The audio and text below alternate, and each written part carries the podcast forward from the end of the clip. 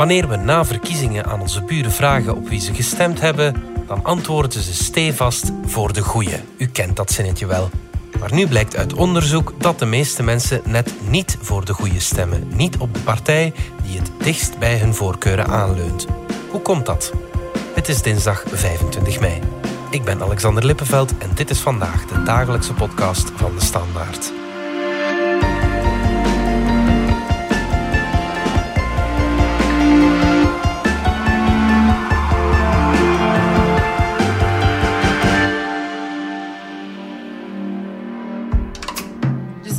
Stemtest kom ik altijd uit op Open VLD of CD&V, maar ik stem altijd op SPA en Groen.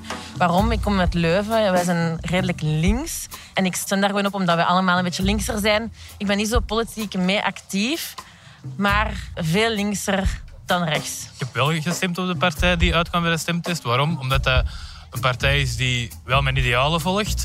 En dat is ook een partij die niet in het centrum ligt. Dus dan is het al makkelijker om wel op de partij te stemmen waarop dat je uitkomt. Omdat het niet echt een partij is die dezelfde idealen en waarden nastreeft, denk ik dan. Tijdens de stemtest kwam ik op groen uit. Maar dat is eigenlijk een partij waar ik nooit in het echt op zou stemmen. Omdat ik dat theoretisch wel toffe ideeën vind. Maar in de praktijk vind ik niet echt dat die goed uitgevoerd worden.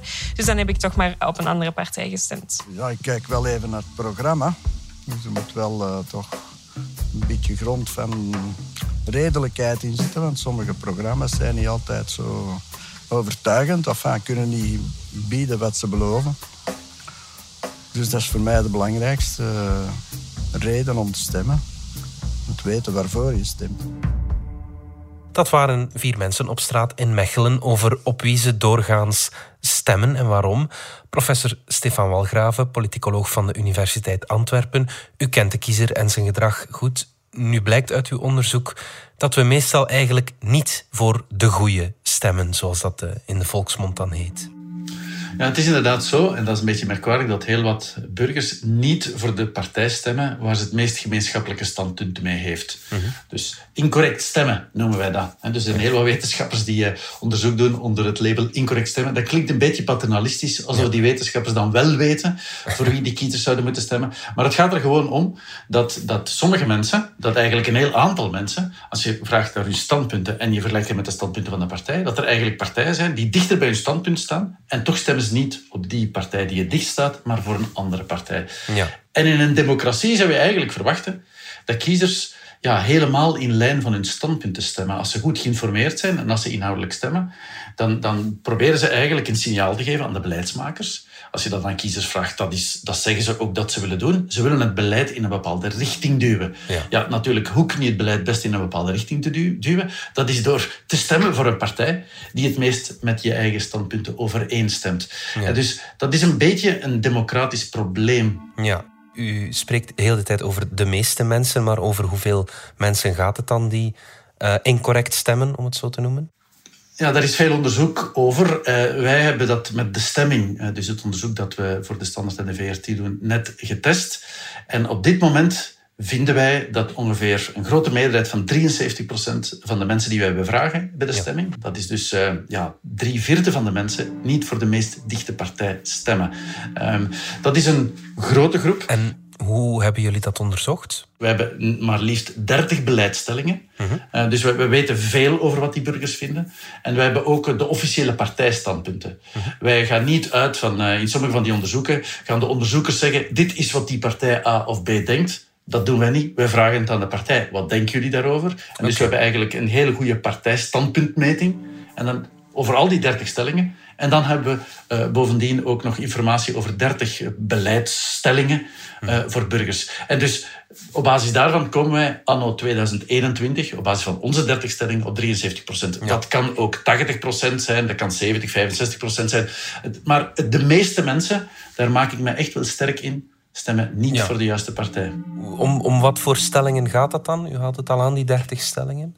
Wij proberen met die 30 stellingen eigenlijk het volledige, um, de ruimte, de beleidsruimte uh, af te dekken. En die, we hebben 30 stellingen waarvan we er 15 uh, zeggen dat zijn sociaal-economische stellingen. Dat gaat over stellingen over sociaal-economisch beleid, eigenlijk over de interventie van de overheid in de economie, over herverdeling. En dan socioculturele stellingen hebben we er ook een vijftiental. Dat gaat dan eerder over, over dingen zoals identiteit, migratie, maar ook klimaat, participatie, Europa enzovoort. En dat zijn dus twee clusters van vijftien stellingen. En dus aan de hand daarvan uh, gaan we die uh, weten wat de burgers willen en vragen we ook de partij. En dat zijn stellingen zoals bijvoorbeeld gratis bezoek aan de huisarts, maximumfactuur in het hoger onderwijs, het openhouden van de kerncentrales, een Europese tax op vliegtuigbrandstof. Dat zijn geen stellingen die gaan over dingen waar mensen, of toch mensen die met politiek een beetje bezig zijn, nooit over nagedacht hebben. Ja. Het zijn allemaal stellingen die een zeker belang representeren. Dat zijn dus stellingen die, ja, die toch een beetje op de radar van burgers zouden moeten staan. Want als je vragen stelt over stellingen of over beleid waar ze nooit over nagedacht hebben, ja, dat ze dan fout stemmen, uiteraard zou ik zeggen. Omdat het helemaal niet deel uitmaakt van het, uh, van het debat. Het wordt de kiezer ook niet gemakkelijk gemaakt om correct te stemmen. Hè. Er zijn in ons land veel partijen. En we kunnen nu ook niet zeggen dat die allemaal mijlenver uit elkaar liggen qua standpunten. Hè. Dat, wel, dat heeft voor- en nadelen. Hè? Dus je kunt eigenlijk zeggen dat het uh, voor, de, voor de kiezer... Het, het, is mogelijk voor de Vlaamse kiezer is het mogelijk om een partij te vinden die dicht bij zijn standpunten ligt. Want er is een heel groot aanbod. Je hebt bij wijze van spreken, voor elke kiezer heb je een partij die perfect bij hem aansluit. Omdat je een heel genuanceerd uh, partijaanbod hebt. Een beetje meer naar links, een beetje meer naar rechts, op de twee breuklijnen enzovoort. Dus dat is de positieve kant. Dus de, de potentie om heel correct te stemmen is in Vlaanderen aanwezig. Maar en dat is de keerzijde. Door het feit dat er zoveel partijen zijn en de verschillen tussen partijen zo genuanceerd zijn, is het ook moeilijker om voor de juiste partij te kiezen. De complexiteit van ons partijlandschap maakt het bij ons in Vlaanderen relatief moeilijk om correct te stemmen. Maar het kan wel, je kunt correcter stemmen dan in veel andere landen. Wat dat wij zien, die 73% van de mensen eh, die incorrect stemmen, dat de afstand naar de beste partij, we spreken hier over 30 stellingen, dat die vier stellingen is. Ja. Dus de kiezers kunnen zich eigenlijk ja, op, op iets meer dan een tiende van hun beleidspreferenties verbeteren. Ja. Dus er is een partij die op vier van de dertig antwoorden die ze gegeven hebben een betere partij is. Dus dat wil zeggen dat mensen niet compleet fout stemmen. Dus een linkse kiezer stemt niet voor een rechtse partij, maar een linkse kiezer vergist zich tussen de linkse partijen en een rechtse kiezer vergist zich tussen de rechtse partijen. Daar komt het eigenlijk op neer. Ja, ja, ja. dus het is ook niet dat het volledige links-rechts spectrum, die verhoudingen, dat dat er compleet anders zou uitzien, moest uh, iedereen op de juiste partij stemmen. Nee. Nee, je ziet, je ziet als, je die, als, je dat, als je dat in een tabel zet, dan zie je dat de vergissingen, als je dat zo kan noemen, hè, wij spreken daar dus voortdurend over incorrect stemmen, dat die zich heel dicht bij de eigen partij bevinden. Ja. Dus dat, dat, is dan eigenlijk ook weer geruststellend nieuws. Mm -hmm. Het signaal dat ze daarmee geven, het beleid moet naar links of naar rechts, het, het, ik zou zeggen, het meer globale ideologische signaal, los van de concrete beleidstellingen, is wel ongeveer wat dat zou moeten zijn. Sommige stellingen vind je als kiezer allicht wel belangrijker dan, dan andere, maar is het dan, maakt het dan veel uit zolang die stellingen die je echt belangrijk vindt, zolang die maar overeenkomen met je, met je partijvoorkeur? Dat klopt. Hè. Dus het, het belang dat mensen aan een stelling hechten, zorgt ervoor, of een bepaald beleidsdomein, zorgt ervoor dat ze op dat beleidsdomein correcter gaan stemmen. Als je een analyse zou doen en je zou vragen aan de mensen om gewichten te verdelen, 100 punten te verdelen over die 30 stellingen, en, dan, en dan zou nagaan of ze op de stellingen waar ze veel punten op zetten, of ze daar nog altijd incorrect stemmen, dan daalt de kans relatief spectaculair dat ze daar fout zouden stemmen. Hetzelfde geldt aan de kant van de partijen. Als partijen stellingen heel belangrijk vinden, beleidsvoorkeuren heel belangrijk vinden, dan zijn die ook zichtbaarder voor de kiezers en dan zijn kiezers geneigd om op die uh, beleidsvoorkeuren eigenlijk juist te kiezen, omdat die partij daar ook sterk op geprofileerd is. Ja. Dus het belang van een thema uh, speelt uh, een, een, rol.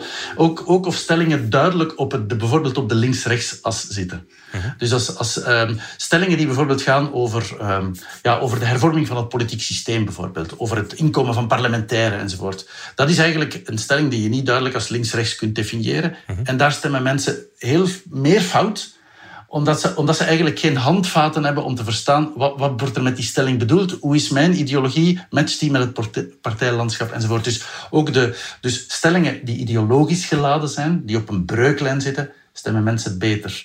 Nu, dat, is, dat, dat gaat over de stellingen zelf. Natuurlijk is het zo dat ook aan de kant van, de kiezers er grote verschillen zijn.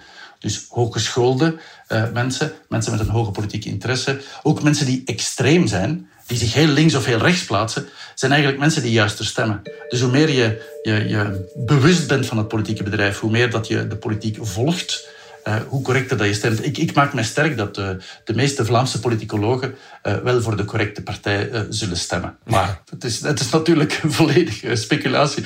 Dus de meeste politieke journalisten, en zeker die van de Standaard ook. Ik hoop ik ben, ervan over, ik ben ervan overtuigd dat als je de politiek echt volgt, en, en dat blijkt ook uit onderzoek. Interessant is misschien ook nog dat tijdens een campagne, dat een campagne, dat verkiezingscampagnes erin slagen om mensen voor een stukje correcter te laten stemmen. Als je nagaat voor de campagne en je vraagt voor wie ga je stemmen, en na de campagne vraag je voor wie heb je gestemd, dan zie je dat mensen voor en na, dat mensen wisselen.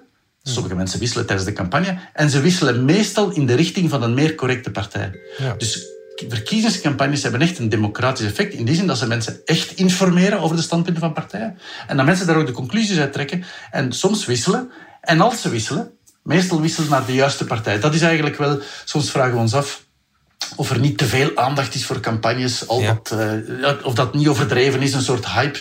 Maar die campagnes hebben echt wel een informatie-effect op kiezers. En is dat altijd al zo geweest? Want uh, bij de vorige verkiezingen was er meer ruimte tussen, uh, tussen de, de verkiezingen. Vroeger waren er, ja, was je bijna altijd in campagnemodus.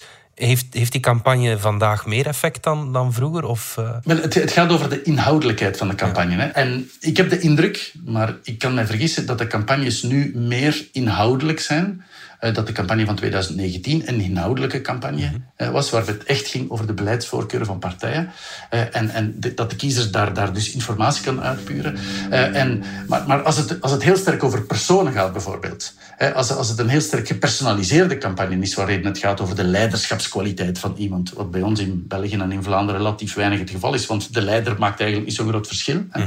Maar dan heb je natuurlijk meer kans dat er geen inhoudelijke stem komt en dat mensen eigenlijk in de campagne niet geïnformeerd worden over de standpunten van de partijen. U zorgde bij de vorige verkiezingen ook stevast voor de stemtest bij de Standaard en de VRT, waarbij kiezers konden zoeken naar de partij die het best bij hen past. Is dat een beetje verloren moeite ergens? Wel, verloren moeite. De stemtest is exact bedoeld om tot meer bewustzijn van de standpunten van partijen te leiden en tot meer correct stemmen. Dus eigenlijk zou je kunnen zeggen dat de stemtest het antigif is tegen uh, incorrect stemmen. En wij proberen dat zo transparant mogelijk te doen. Juist, juist om de, de sterkte van de stemtest is dat de standpunten van de partijen daar wel direct met elkaar worden vergeleken. Ja.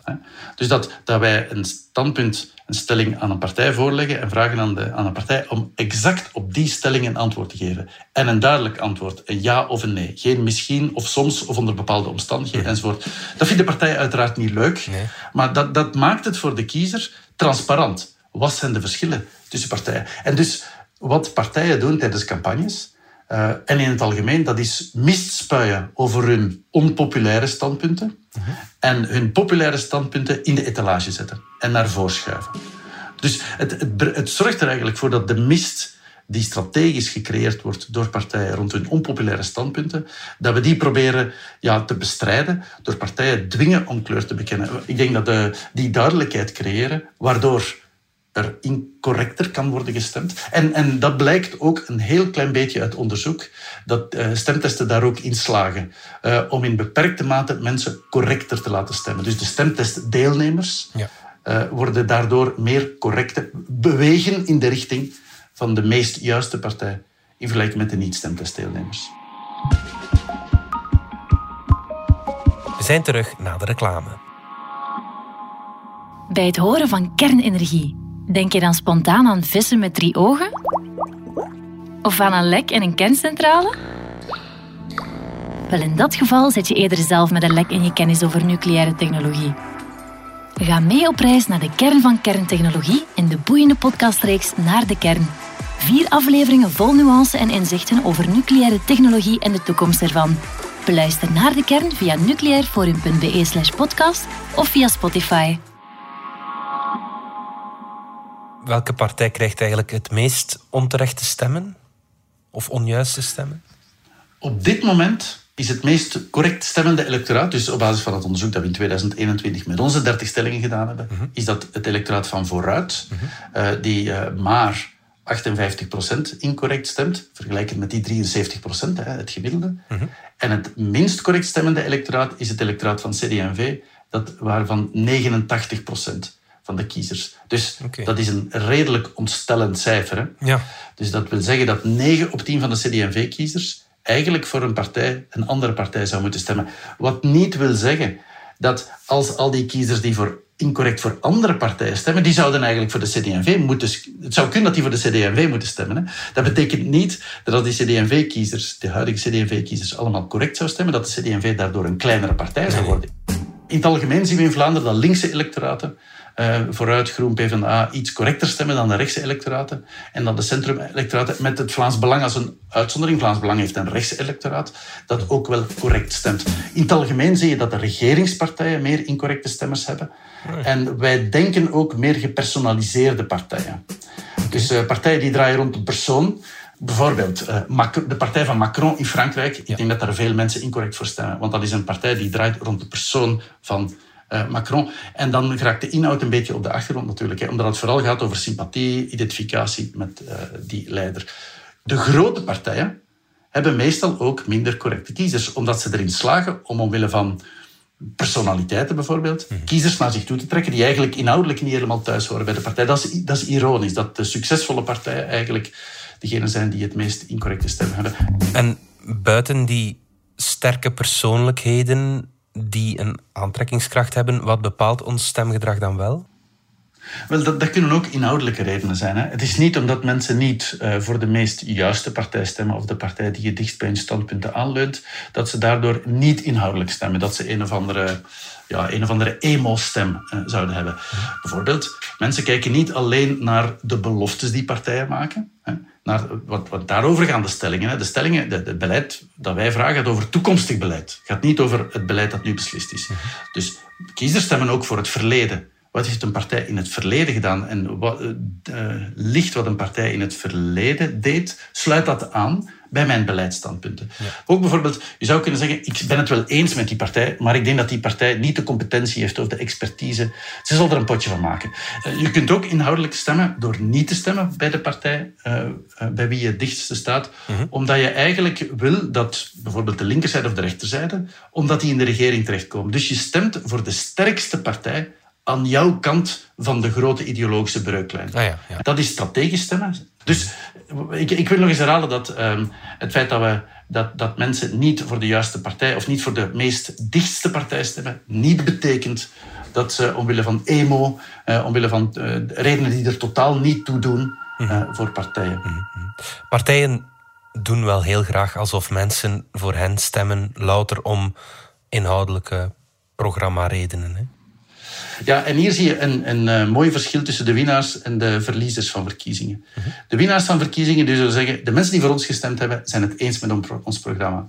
De verliezers van de verkiezingen zullen zeggen, de mensen die, eh, eh, die niet voor ons gestemd hebben, of ons verkiezingsverlies, is te wijten aan het feit dat we een slechte campagne gevoerd hebben. Het gaat niet om een inhoudelijke... Dus, dus het is geen desavouering van onze standpunten. We hebben het gewoon slecht uitgelegd. Hadden we het beter kunnen uitleggen, dan hadden meer kiezers voor ons eh, gestemd. Partijen kunnen niet anders dan zich die kiezers toe-eigenen. En dan zeggen, die kiezers zijn van ons. Wij, stellen die kiezers volledig gelijk met ons partijprogramma. Want als die partijen die nuance zouden binnenbrengen, ja, dan wordt het nog veel complexer natuurlijk. En dan zou de partij zeggen, dit is ons standpunt, maar een deel van onze kiezers steunt dat niet. Dus we gaan dat standpunt ofwel veranderen of niet verdedigen enzovoort. Ja, dan wordt het helemaal een boeltje.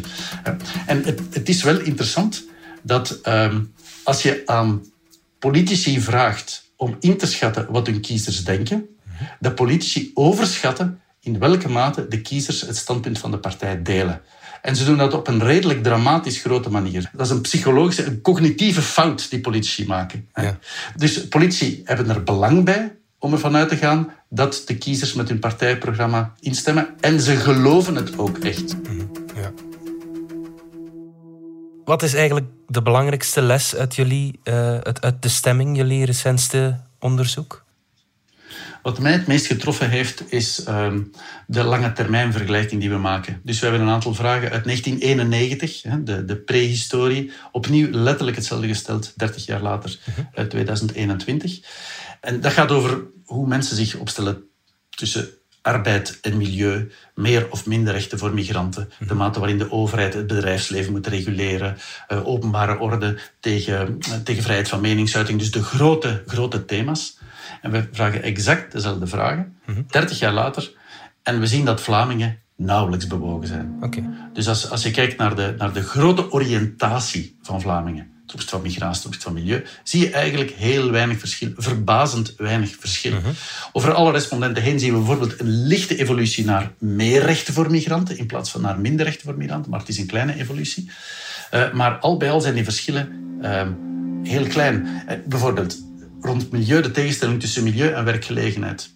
Komen Vlaam, eh, als je die vraag stelt, van als je moet kiezen tussen beide, waar kom je dan terecht? komen Vlamingen over bijna op helemaal dezelfde plaats terecht in 2021, de gemiddelde Vlaming, dan in 1991. Ondanks de spectaculair toegenomen milieuproblematiek, ondanks de, de, de, de klimaaturgentie, ondanks de klimaatmarsen, uh, ondanks de, de, de groei van groen bijvoorbeeld, hè, Ja. rond het klimaat. Dus, dus je ziet eigenlijk dat, dat, dat inhoudelijk er een merkwaardige stabiliteit is in de waardeposities van de Vlamingen. En, en in 1991 uh, was er geen sprake van sociale media. We hadden niet eens mobiele telefoons, als ik me niet vergis. Uh, Jean-Luc Dehaene was premier, uh, de CVP was, was, nog, was nog de grote partij, enzovoort. Het Vlaams Belang is doorgebroken.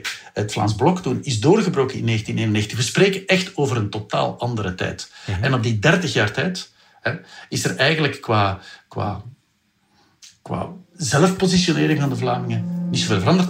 Wat je ziet, als je dan een evolutie ziet, zie je dat de, meest, dat de electoraten eigenlijk dichter bij elkaar zijn gekomen. Als je aan de kiezers vraagt om de partijen te plaatsen, want dat hebben we ook gedaan. We hebben niet alleen gevraagd om zichzelf te plaatsen, maar ook de partijen. Ja. Hoe percipieer je op die breuklijn, hè, op die vraag, waar denk je dat de SPA, vroegen we in 91, waar denk je dat vooruit anno 2021 SP vroeger in 91 nog. Ja, ja misschien, ik, ik, misschien zelfs BSP, daar Ja. ben ik niet helemaal zeker van.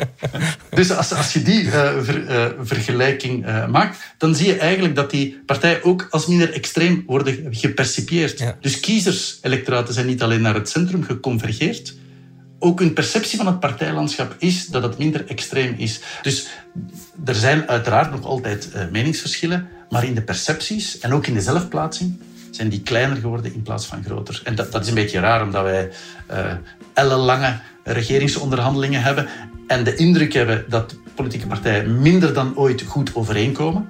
Maar als je, als je gaat kijken naar hun electoraten, zouden die eigenlijk beter dan ooit moeten met elkaar overeenkomen. Oké, okay, goed. Maar overeenkomen doen ze nog steeds niet. Hè?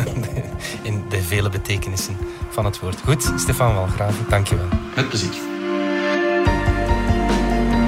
Dit was vandaag de dagelijkse podcast van De Standaard. Bedankt voor het luisteren. Reageren kan via podcast.standaard.be. Alle credits vind je op standaard.be-podcast. Morgen zijn we opnieuw.